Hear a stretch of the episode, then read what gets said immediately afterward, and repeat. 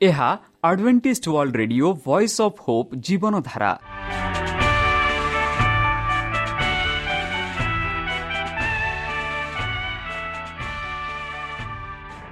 Odia radio କାର୍ଯ୍ୟକ୍ରମ ଯାହା ଆମର ଆନ୍ତର୍ଜାତୀୟ ଆଘାତ କେନ୍ଦ୍ରରୁ ପ୍ରସାରଣ କରାଯାଉଛି ପ୍ରତିଦିନ ରାତି ନଅଟା ତିରିଶ ମିନିଟ୍ରେ। ମୁଁ ସୁବ୍ରତ କୁମାର ପତି ପ୍ରେମର ସହ ଆପଣମାନଙ୍କୁ ଏହି କାର୍ଯ୍ୟକ୍ରମକୁ ସ୍ୱାଗତ କରୁଅଛି। ଚାଲନ୍ତୁ ଆଜିର ତିରିଶ ମିନିଟ୍ର କାର୍ଯ୍ୟକ୍ରମ ବିଷୟରେ ଜାଣିନେବା। ପ୍ରଥମେ ରଖିଛୁ ଆଧ୍ୟାତ୍ମିକ ଭକ୍ତିମୟ ଗୀତ। ଏହାପରେ ଶୁଣିବା ସ୍ୱାସ୍ଥ୍ୟ ବିଷୟରେ ଯାହା ଆମର ଦୈନିକ ଜୀବନରେ ଅତ୍ୟନ୍ତ ଜରୁରୀ। ଆଉ ପରିଶେଷରେ ଶୁଣିବା ପରମେଶ୍ୱରଙ୍କ ଭକ୍ତଙ୍କଠାରୁ ଜୀବନଦାୟକ ଈଶ୍ୱରଙ୍କ ବାକ୍ୟ। ପ୍ରିୟ ଶ୍ରୋତା ତାହେଲେ ଚାଲନ୍ତୁ ଶୁଣିବା ଏକ ଆଧ୍ୟାତ୍ମିକ ଭକ୍ତିମୟ ଗୀତ।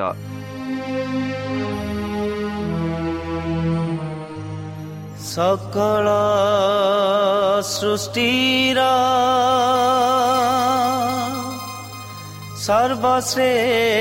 ସର୍ବଶ୍ରେଷ୍ଠ ଜନ ପ୍ରଭୁଙ୍କ ଉଦ୍ଦେଶ୍ୟରେ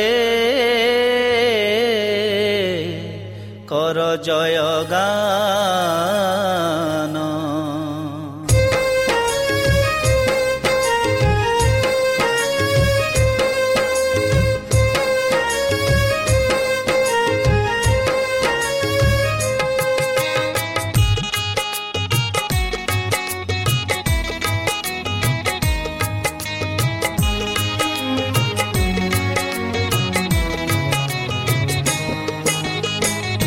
হে সদা প্রভু তুমি মহান তুমরি প্রেম সীম হে সদা প্রভু তুমি মহান তুমরি প্রেম সীম করু জয় গান ସୁନାମ କରୁ ଜୟ ଗାନ ପ୍ରିୟ ଯିଶୁନାମ ସ୍ତୁତି ପ୍ରଶଂସା ହେଉ ତିନି ଭୁବନ ସ୍ତୁତି ପ୍ରଶଂସା ହେଉ ତିନି ଭୁବନ ହେ ସଦା ପ୍ରଭୁ ତୁମେ ମହାନ ତୁମରି ପ୍ରେମ ସୀମ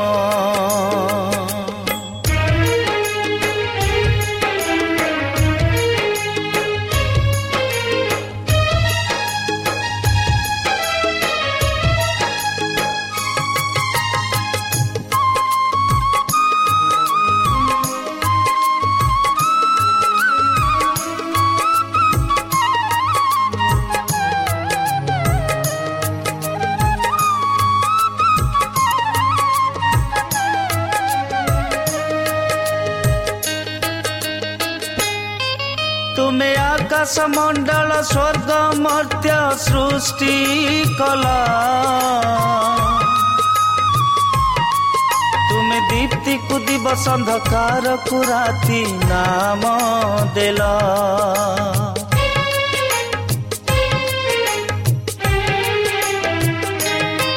तुमे आकाशमण्डल स्वर्ग मर्त्य सृष्टि कला। ତୁମେ ଦୀପ୍ତିକୁ ଦିବସ ଅନ୍ଧକାରକୁ ରାତି ନାମ ଦେଲ। ଜୟ ଜୟ ହେଉ ସେହି ନାମ ଜୟ ଜୟ ହେଉ ମହାନାମ ଜୟ ଜୟ ହେଉ ସେହି ନାମ ଜୟ ଜୟ ହେଉ ମହାନାମ। ହେ ସଦା ପ୍ରଭୁ ତୁମେ ମହାନ। তুমরি প্রেম সীম।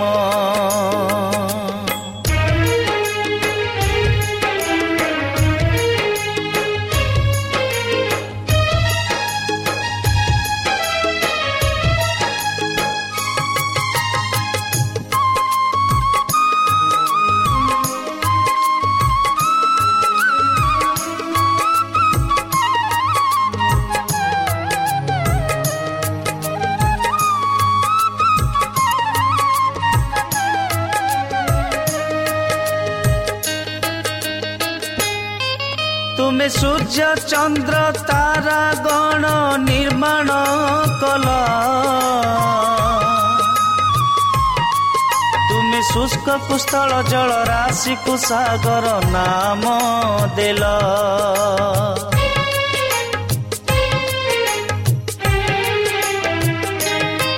ତୁମେ ସୂର୍ଯ୍ୟ ଚନ୍ଦ୍ର ତାରା ଗଣ ନିର୍ମାଣ କଲ। ତୁମେ ଶୁଷ୍କ ପୁସ୍ତଳ ଜଳ ରାଶିକୁ ସାଗର ନାମ ଦେଲ। जय जय हे उसे ही नाम, जय जय हे उ महानाम, जय जय हे उसे ही नाम, जय जय हे उ महानाम। हे सदा प्रभु तुम्हें महान तुमरी प्रेम ସୀମ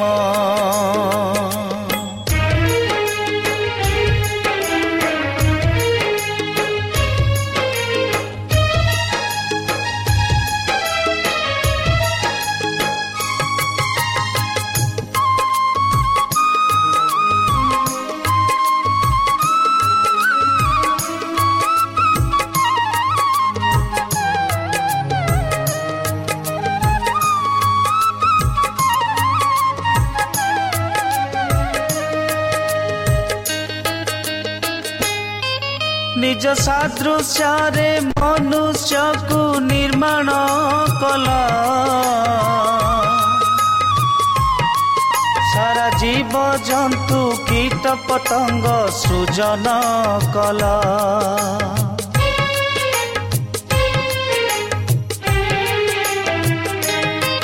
ନିଜ ସାଦୃଶ୍ୟରେ ମନୁଷ୍ୟକୁ ନିର୍ମାଣ କଲ ଜୀବଜନ୍ତୁ କୀଟ ପତଙ୍ଗ ସୃଜନ କଲ।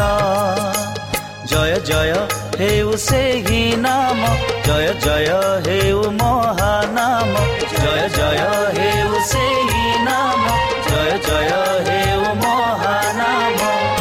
ହେ ସଦା ପ୍ରଭୁ।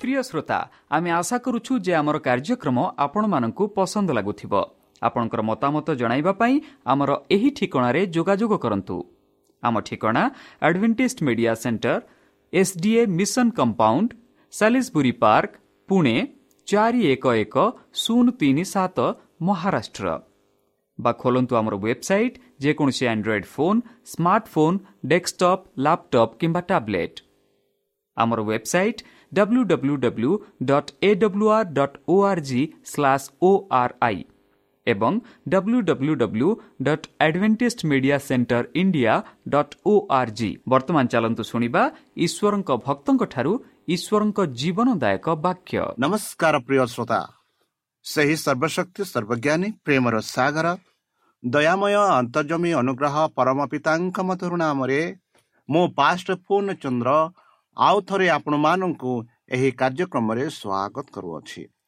ସେହି ସର୍ବଶକ୍ତି ପରମେଶ୍ୱର ଆପଣମାନଙ୍କୁ ଆଶୀର୍ବାଦ କରନ୍ତୁ। ଆପଣଙ୍କୁ ସମସ୍ତ ପ୍ରକାର ଦୁଃଖ କଷ୍ଟ ବାଧା କ୍ଲେଶ ଓ ରୋଗରୁ ଦୂରେଇ ରଖନ୍ତୁ। ଶତ୍ରୁ ସୈତାନ ହସ୍ତରୁ ସେ ଆପଣଙ୍କୁ ସୁରକ୍ଷାରେ ରଖନ୍ତୁ। ତାହାଙ୍କ ପ୍ରେମରେ ତାହାଙ୍କ ସ୍ନେହରେ ତାହାଙ୍କ ଅନୁଗ୍ରହରେ ସେ ଆପଣମାନଙ୍କୁ ବାନ୍ଧି ରଖନ୍ତୁ। ବନ୍ଧୁ ଚାଲନ୍ତୁ ଆଜି ଆମେମାନେ କିଛି ସମୟ ପବିତ୍ର ଶାସ୍ତ୍ର ବାଇବଲଠୁ ତାହାଙ୍କ ଜୀବନଦାୟକ ବାକ୍ୟ ଧ୍ୟାନ କରିବା। ଆଜିର ଆଲୋଚନା ହେଉଛି ଈଶ୍ୱରଙ୍କ ଚରିତ୍ର। ବନ୍ଧୁ ଯଦି ଆମେ ଚରିତ୍ର ବିଷୟରେ ଆମେ ଆଲୋଚନା କରିବା ଆମେ ବେଲେ ବେଲେ କହିଥାଉ କି ତାହାର ଚରିତ୍ର ଖରାପ ବା ତାହାର ଚରିତ୍ର ଭଲ ବା ତାହାର ଚରିତ୍ର ଏତେ ଭଲ ନୁହେଁ ବା ସେଇ ବ୍ୟକ୍ତିର ଚରିତ୍ର ସେତେ ଖରାପ ନୁହେଁ। ବା ଏତେ ଭଲ ନୁହେଁ। ଏହିପରି ଆମେ ଲୋକମାନଙ୍କୁ ଯାହାକୁ ଆମେ ସାକ୍ଷାତ କରିଥାଉ ଯେଉଁମାନଙ୍କ ସହ ଆମେ ବସିଥାଉ କଥାବାର୍ତ୍ତା କରିଥାଉ ମିଳାମିଶି ହୋଇଥାଉ ସେମାନଙ୍କ ଚରିତ୍ର ବିଷୟରେ ଆମେ ଆଲୋଚନା କରିଥାଉ। ହୋଇପାରେ ଆପଣଙ୍କ ପାରିବାରିକ ଜୀବନରେ ହୋଇପାରେ ଆପଣଙ୍କ ସାମାଜିକ ଜୀବନରେ ହୋଇପାରେ ଆପଣ ଆପଣଙ୍କ କାର୍ଯ୍ୟକ୍ଷେତ୍ର ଜୀବନରେ ଆପଣମାନେ ଅନ୍ୟମାନଙ୍କ ଚରିତ୍ର ବିଷୟରେ ବର୍ଣ୍ଣନା କରିଥାନ୍ତି। ତାହେଲେ ଆଜି ଆମେ ବିଶେଷ ଭାବରେ ଯେଉଁ ପରମେଶ୍ୱରଙ୍କ ବିଷୟରେ ଆମେ କଥାବାର୍ତ୍ତା କରୁଅଛୁ ଯେଉଁ ପରମେଶ୍ୱରଙ୍କ ବାକ୍ୟ ଆଜି ଆମେ ପଢ଼ୁଅଛୁ ଆଉ ପଢ଼ି ସାରୁ ଯାଇ ଆସୁଅଛୁ ସେଇ ପରମେଶ୍ୱର କେମିତି ପରମେଶ୍ୱର?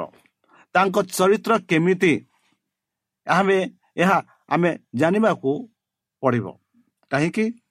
ଯେଉଁ ପରମେଶ୍ୱରଙ୍କୁ ଯେଉଁ ପ୍ରଭୁକୁ ଆମେ ପୂଜା ଆରାଧନା କରିବାକୁ ଯାଉଅଛୁ ସେହି ପ୍ରଭୁର ଚରିତ୍ର ଆମମାନଙ୍କୁ ଜାଣିବାକୁ ପଡ଼ିବ। କ'ଣ ଆମ ପ୍ରଭୁ କ୍ରୋଧ? କ'ଣ ଆମ ପ୍ରଭୁ ପ୍ରେମୀୟ? କ'ଣ ଆମ ପ୍ରଭୁ ଦୟାଳୁ? କ'ଣ ଆମ ପ୍ରଭୁ ଅନୁଗ୍ରହ ଦାତା ଏହିସବୁ ଆମେ ଜାଣିବାକୁ ପଡ଼ିବ ଯେବେ ଜଣ ଜଣେ ପ୍ରଭୁକୁ ଆମେ ବିଶ୍ୱାସ କରୁଛୁ। ତାହେଲେ ଚାଲନ୍ତୁ ଈଶ୍ୱରଙ୍କ ଚରିତ୍ର ବିଷୟରେ ଆମେ ବିଶେଷ ଭାବରେ ଆଜି ଆଲୋଚନା କରିବା। ଯେପରିକି ଜହନ ପ୍ରକାଶିତ ବାକ୍ୟ ଉଣେଇଶ ଛଅରେ ସେ ଲେଖନ୍ତି ଏହିପରି। ସେ କହନ୍ତି ମହା ମୁଁ ମହାଜନତାର ଶବ୍ଦ ପରି ଏବଂ ବହୁ ଜଳ କୂଳ ଓ ଘୋର ମେଘ ଗର୍ଜନ ଶବ୍ଦ ପରି ଗୋଟିଏ ଶବ୍ଦ ଏହା କହିବାର ଶୁଣିଲି। ହାଲେଲୁୟା। କାରଣ ପ୍ରଭୁ ଆମମାନଙ୍କ ସର୍ବଶକ୍ତିମାନ ଈଶ୍ୱର ରାଜତ୍ୱ ଗ୍ରହଣ କରିଅଛନ୍ତି। ବନ୍ଧୁ ପ୍ରଥମ ପଦ ହେଉଛି ପ୍ରଭୁ ଆମର ସର୍ବଶକ୍ତିମାନ। ତାହାଙ୍କର ଶକ୍ତିରୁ ଆଉ କିଏ ନାହିଁ କିଏ ରହିପାରିବ ନାହିଁ। ସେ ହେଉଛନ୍ତି ସର୍ବଶକ୍ତିମାନ। ପ୍ରଥମ ଚରିତ୍ର। ଆଉ ଏଇ ଯେ ସର୍ବଶକ୍ତିମାନ ବୋଲି ଜହନ ସେଇ ଦର୍ଶନରେ ଦେଖୁଛନ୍ତି ସେ ଦର୍ଶନରେ ଶୁଣୁଛନ୍ତି। କ'ଣ ଶୁଣୁଛନ୍ତି?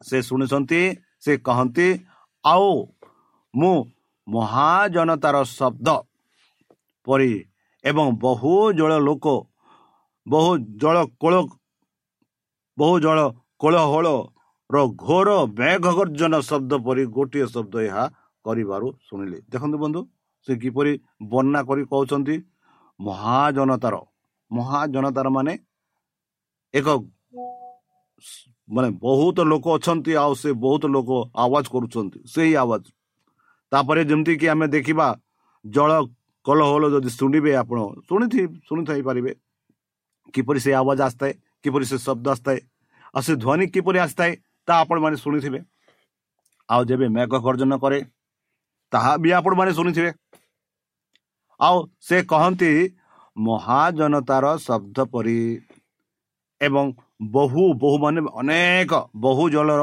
କୋଳଳ କୋଲ ଓ ଘୋର ମେଘ ଗର୍ଜନର ଶବ୍ଦ ପରି ଗୋଟିଏ ଶବ୍ଦ ସେ ଶୁଣିବାର ଶୁଣିଲା। ଆଉ ସେ ଶବ୍ଦରେ କ'ଣ ଶୁଣିଲେ? ହାଲିଲୁୟା! ସେ ଶବ୍ଦ କ'ଣ ହଉଛି? ହାଲିଲୁୟା! କାହିଁକି? କାରଣ ପ୍ରଭୁ ମାନଙ୍କର ହଉଛନ୍ତି ସର୍ବଶକ୍ତିମାନ ପରମେଶ୍ୱର। ସେ ସର୍ବଶକ୍ତିମାନ ମାନେ ଆପଣ ଯଦି ୟାକୁ ବର୍ଣ୍ଣନା କରି କହିବେ ତାଙ୍କ ହସ୍ତରେ କିଛି ଅସମ୍ଭବ ନାହିଁ। ଆମେ କହିପାରିବାନି କି ପରମେଶ୍ୱରଙ୍କ ହସ୍ତରେ କିଛି ହୋଇପାରିବ ନାହିଁ। ପରମେଶ୍ୱରଙ୍କ ହସ୍ତରେ ସବୁ କିଛି ହୋଇପାରିବ। ଯେହେତୁ ସେ ହେଉଛନ୍ତି ଆମମାନଙ୍କ ସର୍ବଶକ୍ତିମାନ ପରମେଶ୍ୱର ସର୍ବଶକ୍ତିମାନ ଈଶ୍ୱର। ଆଉ ତାଙ୍କଠାରେ କିଛି ବି ଅସମ୍ଭବ ନାହିଁ। ସବୁ କିଛି ସମ୍ଭବ। ଯେହେତୁ ତାଙ୍କ ଦ୍ୱାରା ହିଁ ପୃଥିବୀ ସୃଷ୍ଟି ହୋଇଅଛି ସେ କହିଲେ ଜିନିଷ ଉତ୍ପନ୍ନ ହେଲା। ସେ କହିଲା ମାତ୍ରେ ଜୀବନ ଆସିଲା। ଆଉ ଏଥି କାରଣରୁ ପ୍ରକାଶିତ ପୁସ୍ତକରେ ଜହନ ଏହିପରି ଲେଖୁଛନ୍ତି ସେ ଈଶ୍ୱରଙ୍କ ବାକ୍ୟ ଅନୁସାରେ। ସେ କହନ୍ତି ସେ ସର୍ବଶକ୍ତି ପରମେଶ୍ୱର ଆଉ ରାଜତ୍ୱ ଗ୍ରହଣ କରିଅଛନ୍ତି। ଆମ ଯେଉଁ ରାଜତ୍ୱ ମାନେ ବନ୍ଧୁ ଯେପରି ଏହା କେତେ ଦିନ ପୂର୍ବରେ ଆମେ ଆଲୋଚନା କରୁଥିଲୁ ଯେବେ ଆମ୍ଭେମାନେ ସେ ସ୍ୱର୍ଗ ରାଜ୍ୟକୁ ଯିବା ସେ ସ୍ୱର୍ଗ ରାଜ୍ୟରେ ଆମେ ଏକ ହଜାର ବର୍ଷ ରହିବା। ଆଉ ସେଇ ଏକ ହଜାର ବର୍ଷରେ ଆମେ ଅନ୍ୟମାନଙ୍କୁ ବିଚାର କରିବା। ଆଉ ବିଚାର କଲା ପରେ ଆମେ ଆଉ ଥରେ ଏଇ ପୃଥିବୀକୁ ଆସିବା। ଏହା ଆମେ ଶୁଣି ସାରିଛୁ। ଆଉ ଯେବେ ଆମେ ଏଇ ପୃଥିବୀକୁ ଆସିବା ଏଇ ପୃଥିବୀର ସମସ୍ତ ଶାସକ ସମସ୍ତ ରାଜ୍ୟ ଆଉ ନଥିବ ସବୁ ଲୋପ ହୋଇଯିବ। ଆଉ ସେତେବେଳେ ଏଇ ରାଜ୍ୟ ଏଇ ପୃଥିବୀର ଶାସକ କିଏ ହେବେ ଆମ ସର୍ବଶକ୍ତିମାନ ପରମେଶ୍ୱର। ଆଉ ଏଥି ଯୋଗୁଁ ସେ କହନ୍ତି କାରଣ ପ୍ରଭୁ ଆମମାନଙ୍କର ସର୍ବଶକ୍ତିମାନ ଈଶ୍ୱର ରାଜତ୍ୱ ଗ୍ରହଣ କରିଅଛନ୍ତି। ବନ୍ଧୁ ଯେବେ ସେ ରାଜତ୍ୱ ଗ୍ରହଣ କରିବେ ସେ ହେଉଛନ୍ତି ଏକ ସର୍ବଶକ୍ତି ପରମେଶ୍ୱର। ସର୍ବଶକ୍ତି ପରମେଶ୍ୱର ତାଙ୍କଠାରେ କୌଣସି ଶକ୍ତି ପାର କରିପାରିବ ନାହିଁ। ଏହିପରି ସାଧୁ ପାଲ ବି କହନ୍ତି ବନ୍ଧୁ ରୋମିଓ ଏଗାର ତେତିଶରେ ସେ କହନ୍ତି ଆହା ଈଶ୍ୱରଙ୍କ ବୁଦ୍ଧି ଓ ଜ୍ଞାନ ରୂପ ନିଧି କେଡ଼େ ଗଭୀରଣ ତାହାଙ୍କର ବିଚାର ସବୁ କିପରି ବୋଧର ଗମ୍ୟ ଓ ତାହାଙ୍କ ପଥ ସବୁ କିପରି ଅନସ୍ୱରୁ ସନ୍ଦେଶ ଅନୁସନ୍ଦେହ ସନ୍ଦେହ ବନ୍ଧୁ କେଡ଼େ ସୁନ୍ଦର ଭାବରେ ପାଉଲ ସ୍ୱୀକାର କରି କରୁଛନ୍ତି କି ଈଶ୍ୱର ହେଉଛନ୍ତି ବୁଦ୍ଧିମାନ ଓ ଜ୍ଞାନ ସ୍ୱରୂପ ନିଧି। ତାହିଁ ନୁହେଁ କେଡ଼େ ଗଭୀରଣ। ସେ କହନ୍ତି ତାହାଙ୍କର ବିଚାର ସବୁ କିପରି ବୋଧର ଅଗମ୍ୟ ଓ ତାହାଙ୍କ ପଥ ସବୁ କିପରି ଅନନୁ ସନ୍ଦେହ ବନ୍ଧୁ ପରମେଶ୍ୱର ହେଉଛନ୍ତି ଶକ୍ତିଶାଳୀ ସର୍ବଶକ୍ତିମାନ ପରମେଶ୍ୱର ହେଉଛନ୍ତି ବୁଦ୍ଧିମାନ ଏ ଜ୍ଞାନର ରୂପ। ସେ ହେଉଛନ୍ତି ବୁଦ୍ଧିମାନ ଆଉ ସେ ହେଉଛନ୍ତି ବିଚାରକର୍ତ୍ତା ବନ୍ଧୁ ଏଥି କାରଣରୁ ଗୀତ ଲେଖକ ସେ ଗୀତ ଲେଖକ ପୁସ୍ତକରେ ଲେଖନ୍ତି ଗୀତ ସଙ୍ଗୀତ ଏକଶହ ଅଣଚାଳିଶ ଆଠରେ ଯେବେ ମୁଁ ସ୍ୱର୍ଗକୁ ଆରୋହଣ କରେ ତେବେ ମୁଁ ସେଠାରେ ଯେବେ ମୁଁ ପାତଳରେ ବିଛଣା କରେ ତେବେ ସେ ଦେଖେ ତୁମେ ସେଠାରେ ଦେଖନ୍ତୁ ବନ୍ଧୁ ଆମେ ପରମେଶ୍ୱରଙ୍କ ଠାରୁ କେବେ ହେଲେ ଲୁଚି ରହିପାରିବାନି ବନ୍ଧୁ ଆମେ କୋଉଠି ବି ଲୁଚି ପାରିବାନି ଯେହେତୁ ପରମେଶ୍ୱର ସବୁ ସ୍ଥାନରେ ଅଛନ୍ତି। ସବୁ ଜାଗାରେ ସେ ଅଛନ୍ତି। ସେ ସବୁ ଶୁଣନ୍ତି। ଆମ କଥାବାର୍ତ୍ତା ସବୁ ଶୁଣନ୍ତି। ଆମେ ଯେଉଁଠୁ ଯାଉ ସେ ସେଇଠି ରହନ୍ତି। ଏଥିଯୋଗୁଁ ଗୀତ ଲେଖକ ଗୀତ ସଙ୍ଗୀତ ଏକଶହ ଅଣଚାଳିଶ ତାର ଆଠ ପଦରେ ସେ କହନ୍ତି ମୁଁ ଯଦି ମୁଁ ସ୍ୱର୍ଗକୁ ଚାଲିଗଲେ ସେଇଠି ସ୍ୱର୍ଗରେ ପରମେଶ୍ୱର ଅଛନ୍ତି। ଆଉ ଯଦି ମୋ ବିଛଣା ଏ ଯୋଉ ପାତାଳ ତଳରେ ଯାଇ ମୁଁ ଶୋଇ ପଡ଼ିବି ସେଥିରେ ମଧ୍ୟ ପରମେଶ୍ୱର ଅଛନ୍ତି। ଦେଖ ଯଦି ମୁଁ ସମୁଦ୍ର ଭିତରକୁ ଯାଇ ଲୁଚିଲେ ମଧ୍ୟ ପରମେଶ୍ୱର ସେଠି ଅଛନ୍ତି ବୋଲି ଆମେ ଦେଖୁଅଛୁ। ବନ୍ଧୁ ପରମେଶ୍ୱର ସବୁ ଜାଗାରେ ଅଛନ୍ତି। ପରମେଶ୍ୱର ଖାଲି ଭାରତ ଦେଶର ଭାରତ ଦେଶରେ ନୁହେଁ କି ଆମେରିକାରେ ନୁହେଁ କି ଚୀନା ଦେଶରେ ନୁହେଁ କି ଅନ୍ୟ ଦେଶ ଦେଶରେ ନୁହେଁ ସେ ସମସ୍ତ ଦେଶରେ ଅଛନ୍ତି। ଏଇ ପୃଥିବୀରେ ସେ ଅଛନ୍ତି। ପରମେଶ୍ୱରଙ୍କ ଉପସ୍ଥିତ ପୃଥିବୀ ଅଛି। ଏଥି କାରଣରୁ ସାଧୁ ପାଉଲ ନିଜକୁ ସ୍ୱୀକାର କରି କହୁଛନ୍ତି ଯେବେ ମୁଁ ସ୍ୱର୍ଗକୁ ଆରୋହଣ କରେ ତେବେ ତୁମ୍ଭେ ସେଠାରେ ଅଛ। ଆଉ ଯେବେ ମୁଁ ପାତାଲରେ ବିଛଣା କରେ ସେଠି ବି ତ ଆପଣ ଅଛ ଏହିପରି ଗୀତ ଲେଖକ କହୁଛନ୍ତି ବନ୍ଧୁ ଏହା ହେଉଛି ଈଶ୍ୱରଙ୍କର ଚରିତ୍ର। ଈଶ୍ୱର ସମସ୍ତଙ୍କର ଯତ୍ନ ନିଅନ୍ତି। ଆଉ ଈଶ୍ୱର ସବୁ ସମସ୍ତ ସମୟ ସବୁଠାରେ ରହନ୍ତି। ଆଉ ସମସ୍ତଙ୍କର ସାହାଯ୍ୟ କରନ୍ତି। ଯଦି ଆମେ ଆଦି ପୁସ୍ତକ ଯାହାକି ମୋ ସାଙ୍ଗ ଦ୍ୱାରା ଲିଖିତ ଆଦି ପୁସ୍ତକ ଏକୋଇଶ ତାର ତେତିଶ ଯଦି ଆମେ ଦେଖିବା ସେଠି ଆମେ ଅବ୍ରାହ୍ମଙ୍କ ବିଷୟରେ ପାଉଅଛୁ। ଅନନ୍ତର ଅବ୍ରାହମ ସେହି ବ୍ୟବସବା ନିକଟରେ ଏକ ଛାଉଁ ବୃକ୍ଷ ରୋପଣ କରି ସେହି ସ୍ଥାନରେ ଅନାଦି ଅନ ପରମେଶ୍ୱରଙ୍କ ସଦାପ୍ରଭୁଙ୍କ ନାମରେ ପ୍ରାର୍ଥନା କଲେ। ସେହି ପରମେଶ୍ୱର ହେଉଛନ୍ତି ଅନାଦି ଅନନ୍ତ ପରମେଶ୍ୱର। ଆଉ ସେ ଅନାଦି ଅନନ୍ତ ପରମେଶ୍ୱରଙ୍କ ପାଖରେ ଅବ୍ରାହମ ପ୍ରାର୍ଥନା କରୁଛନ୍ତି। ବନ୍ଧୁ ଯଦି ଆମେ ଅବ୍ରାହମଙ୍କ କାହାଣୀ ଦେଖିବା ଅବ୍ରାହମ ଜଣେ ବିଶ୍ୱସ୍ତ ବ୍ୟକ୍ତି ଥିଲେ। ଆଉ ଅବ୍ରାହମଙ୍କୁ ଡକାଗଲା ଯେବେ ଅବ୍ରାହମକୁ ଡକାଗଲେ ଡକାଗଲା ଅବ୍ରାହମ କେବେ ହେଲେ ଈଶ୍ୱରଙ୍କ ସହିତ ପ୍ରଶ୍ନ କଲେ ନାହିଁ। ଈଶ୍ୱରଙ୍କ ବାକ୍ୟ ଅନୁସାରେ ସେ ଚାଲିଲେ। ଯାହା ଯାହା ଈଶ୍ୱର କହିଲେ ତାହାଙ୍କ ବାକ୍ୟ ଅନୁସାରେ ଚାଲିଲେ। ଆଉ ଏଥିଯୋଗୁଁ ଆମେ ଦେଖୁଅଛୁ ଏହି ପଦରେ ଆଦି ପୁସ୍ତକ ତାର ଏକୋଇଶ ତେତିରିଶରେ ଦେଖୁଅଛୁ ଅନନ୍ତର ଅବ୍ରାହମ ସେହି ବେଦର୍ସ ବା ନିକଟରେ ଏକ ଛାଉଁ ବୃକ୍ଷ ରୋପଣ କରି ସେହି ସ୍ଥାନରେ ଅନାଦି ଅନ ପରମେଶ୍ୱରଙ୍କ ସଦାପ୍ରଭୁଙ୍କ ନାମରେ ପ୍ରାର୍ଥନା କଲେ ବୋଲି ଆମେ ଦେଖୁଅଛୁ। ବନ୍ଧୁ ଗୀତ ଲେଖକ ଆଉ ଥରେ କହନ୍ତି ଗୀତ ଲେଖକ ବାଇଶ ତାର ପାଞ୍ଚରେ ସେ କହନ୍ତି ଏହିପରି ସେମାନେ ତୁମ ନିକଟରେ କ୍ରନ୍ଧନ କଲେ ଓ ଉଦ୍ଧାର ପାଇଲେ। ସେମାନେ ତୁମଠାରେ ବିଶ୍ୱାସ କଲେ ଆଉ ଲଜ୍ଜିତ ନ ହୋଇଲେ। ବନ୍ଧୁ ଯେବେ ଆମମାନେ ଦୁଃଖ କଷ୍ଟ ବାଧା ଭୋଗୁ ଯଦି ଆମମାନଙ୍କ ପରମେଶ୍ୱରଙ୍କ ଠାରେ ଯାଇ ଆମେ କ୍ରନ୍ଧନ କରି ପ୍ରାର୍ଥନା କରିବା ସେ ନିଶ୍ଚିତ ଭାବରେ ଆମ ଆମମାନଙ୍କ କ୍ରନ୍ଧନ ଶୁଣିବେ। ଆଉ କାହିଁ ପାଇଁ ଆମେ ସେଇ କ୍ରନ୍ଧନ କରୁଛୁ? ତାହା ବି ସେ ଜାଣନ୍ତି ଆଉ ସେ କ୍ରନ୍ଧନରୁ ଆମମାନଙ୍କୁ ଉଦ୍ଧାର କରନ୍ତି ବୋଲି ଆମେ ଦେଖୁଅଛୁ। ଯେହେତୁ ପବିତ୍ର ଶାସ୍ତ୍ର ବାଇବଲ ଆମମାନଙ୍କୁ ଈଶ୍ୱରଙ୍କ ଚରିତ୍ର ବିଷୟରେ ଆମକୁ ପ୍ରକାଶ କରି କହୁଅଛି କି ଈଶ୍ୱର ଆମମାନଙ୍କର କ୍ରନ୍ଧନ ଶୁଣନ୍ତି ଆଉ ସେ ଆମମାନଙ୍କୁ ଉଦ୍ଧାର କରନ୍ତି ମାନେ ପରମେଶ୍ୱର ହେଉଛନ୍ତି ଉଦ୍ଧାରକର୍ତ୍ତା। ସେ କାହାକୁ କ୍ଷତି କରନ୍ତି ନାହିଁ ସେ ଉଦ୍ଧାର କରନ୍ତି। ଯେବେ ଆମେ କ୍ରନ୍ଧନ କରି ତାଙ୍କଠାରେ ପ୍ରାର୍ଥନା କରୁ ଯେବେ ତାଙ୍କଠାକୁ ତାଙ୍କ ନିକଟକୁ ଯାଇ ଆମେ କ୍ରନ୍ଧନ କରି କହୁ ସେତେବେଳେ ପରମେଶ୍ୱର ଆମମାନଙ୍କୁ ଉଦ୍ଧାର କରନ୍ତି। ଆଉ ଯେତେ ଲୋକ ତାହାଙ୍କଠାରେ ବିଶ୍ୱାସ କରନ୍ତି ସେମାନଙ୍କୁ କେବେ ହେଲେ ଲଜ୍ଜିତ ହେବାକୁ ଦିଅନ୍ତି ନାହିଁ ବନ୍ଧୁ। ଏହା ମନେ ରଖନ୍ତୁ ପରମେଶ୍ୱର ତାହାଙ୍କ ଦାସମାନଙ୍କୁ କେବେ ହେଲେ ଲଜ୍ଜିତ ହେବା ପାଇଁ ଦେବେ ନାହିଁ। ପରମେଶ୍ୱର ସେମାନଙ୍କୁ ସଦା ସର୍ବଦା ସେମାନଙ୍କୁ ସେ ଲଜ୍ଜିତାରୁ ବାହାର କରିବେ। ଏହା ପବିତ୍ର ଶାସ୍ତ୍ର ବାଇବଲା ମାନଙ୍କୁ ସାକ୍ଷାତ ରୂପେ କହୁଅଛି କି ଏହା ହେଉଛି ଈଶ୍ୱରଙ୍କର ଚରିତ୍ର କି ବିଶ୍ୱାସୀ ମାନଙ୍କୁ ଆପଣା ବିଶ୍ୱାସୀ ଲୋକମାନଙ୍କୁ ପରମେଶ୍ୱର କେବେ ହେଲେ ସେମାନଙ୍କୁ ଲଜ୍ଜିତ କରିବେ ନାହିଁ। ଆଉ ଯେତେ ଲୋକ ତାହାଙ୍କଠାରେ କ୍ରନ୍ଧନ କରି ପ୍ରାର୍ଥନା କରନ୍ତି ସେମାନଙ୍କୁ ପରମେଶ୍ୱର ଉଦ୍ଧାର କରନ୍ତି। ସେ ଆମମାନଙ୍କର ଉଦ୍ଧାରକର୍ତ୍ତା। ସେ ଆମମାନଙ୍କର ଶକ୍ତି ଦାତା। ସେ ଆମମାନଙ୍କର ପରମେଶ୍ୱର। ଆଉ ସେ କେବେ ହେଲେ ଆମମାନଙ୍କୁ ଲଜ୍ଜିତ ହେବାକୁ ଦେବେ ନାହିଁ ବୋଲି ପବିତ୍ର ଶାସ୍ତ୍ର ବାଇବଲ ମାନଙ୍କୁ ସାକ୍ଷାତ କରି କହୁଅଛି। ବନ୍ଧୁ ପ୍ରଥମ ଜନ ଚାରି ଆଠ। ଆମେ ଦେଖିବା ସେଠି ଈଶ୍ୱରଙ୍କର ଚରିତ୍ର ମୁଖ୍ୟ ଚରିତ୍ର ବିଷୟରେ ଆମେ ଦେଖୁଅଛୁ ବନ୍ଧୁ। ସେ କହୁଛି ଯେ ପ୍ରେମ କରେ ନାହିଁ ସେ ଈଶ୍ୱରଙ୍କୁ ଜାଣେ ନାହିଁ। କାରଣ ଈଶ୍ୱର ତ ପ୍ରେମ। ବନ୍ଧୁ କେଡ଼େ ସୁନ୍ଦର ଭାବରେ ଏହି ପବିତ୍ର ଶାସ୍ତ୍ର ବାଇବଲ ମାନଙ୍କୁ ଈଶ୍ୱରଙ୍କ ଚରିତ୍ର ବିଷୟରେ ପ୍ରକାଶ କରି କହୁଛି ବନ୍ଧୁ ସେ କହନ୍ତି ଯେ ପ୍ରେମ କରେ ନାହିଁ ସେ ଈଶ୍ୱରକୁ ଜାଣେ ନାହିଁ। କାହିଁକି? କାରଣ ଈଶ୍ୱର ତ ପ୍ରେମ। ବନ୍ଧୁ ଆପଣମାନେ କେବେ ଆପଣ ଭାଇ ଭଉଣୀକୁ ପ୍ରେମ କରୁଛନ୍ତି? ଆପଣ ପଡ଼ିଶା ଲୋକମାନଙ୍କୁ ପ୍ରେମ କରୁଛନ୍ତି କି? ଆପଣ ବନ୍ଧୁବାନ୍ଧବଙ୍କୁ ପ୍ରେମ କରୁଛନ୍ତି କି? ଆପଣ ଆପଣ ଶତ୍ରୁମାନଙ୍କୁ ପ୍ରେମ କରୁଛନ୍ତି କି?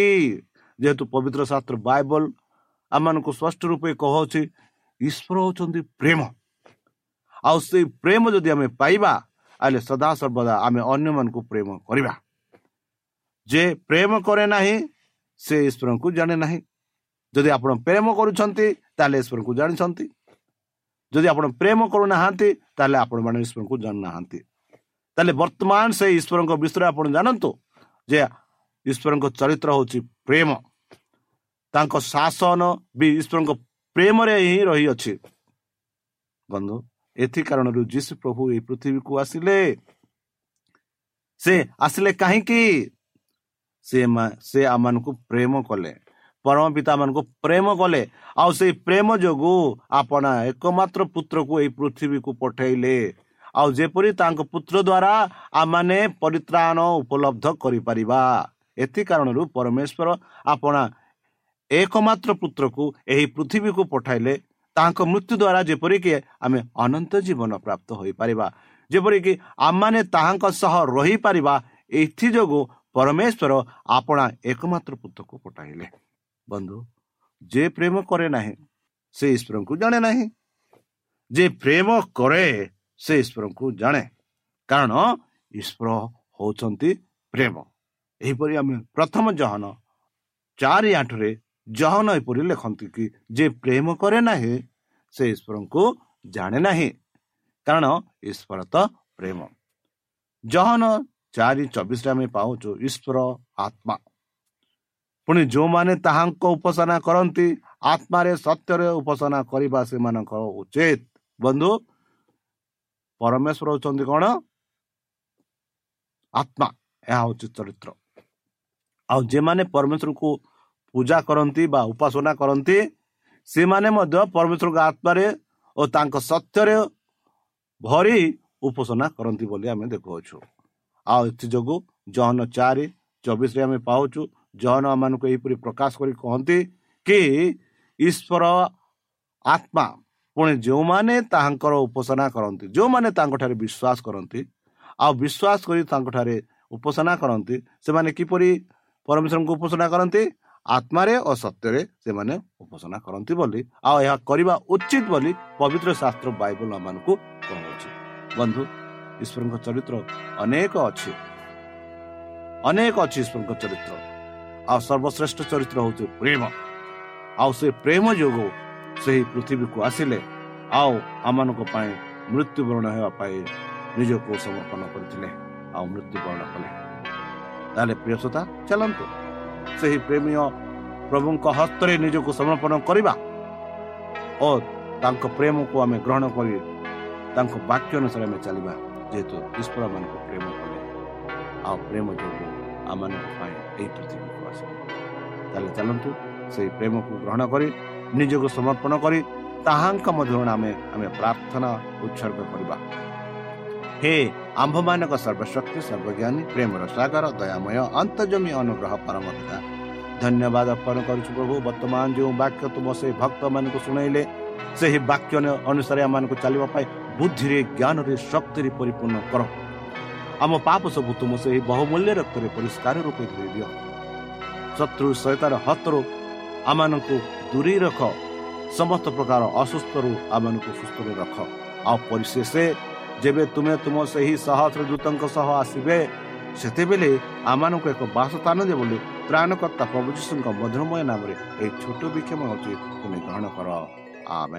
ପ୍ରିୟ ଶ୍ରୋତା ଆମେ ଆଶା କରୁଛୁ ଯେ ଆମର କାର୍ଯ୍ୟକ୍ରମ ଆପଣମାନଙ୍କୁ ପସନ୍ଦ ଲାଗୁଥିବ।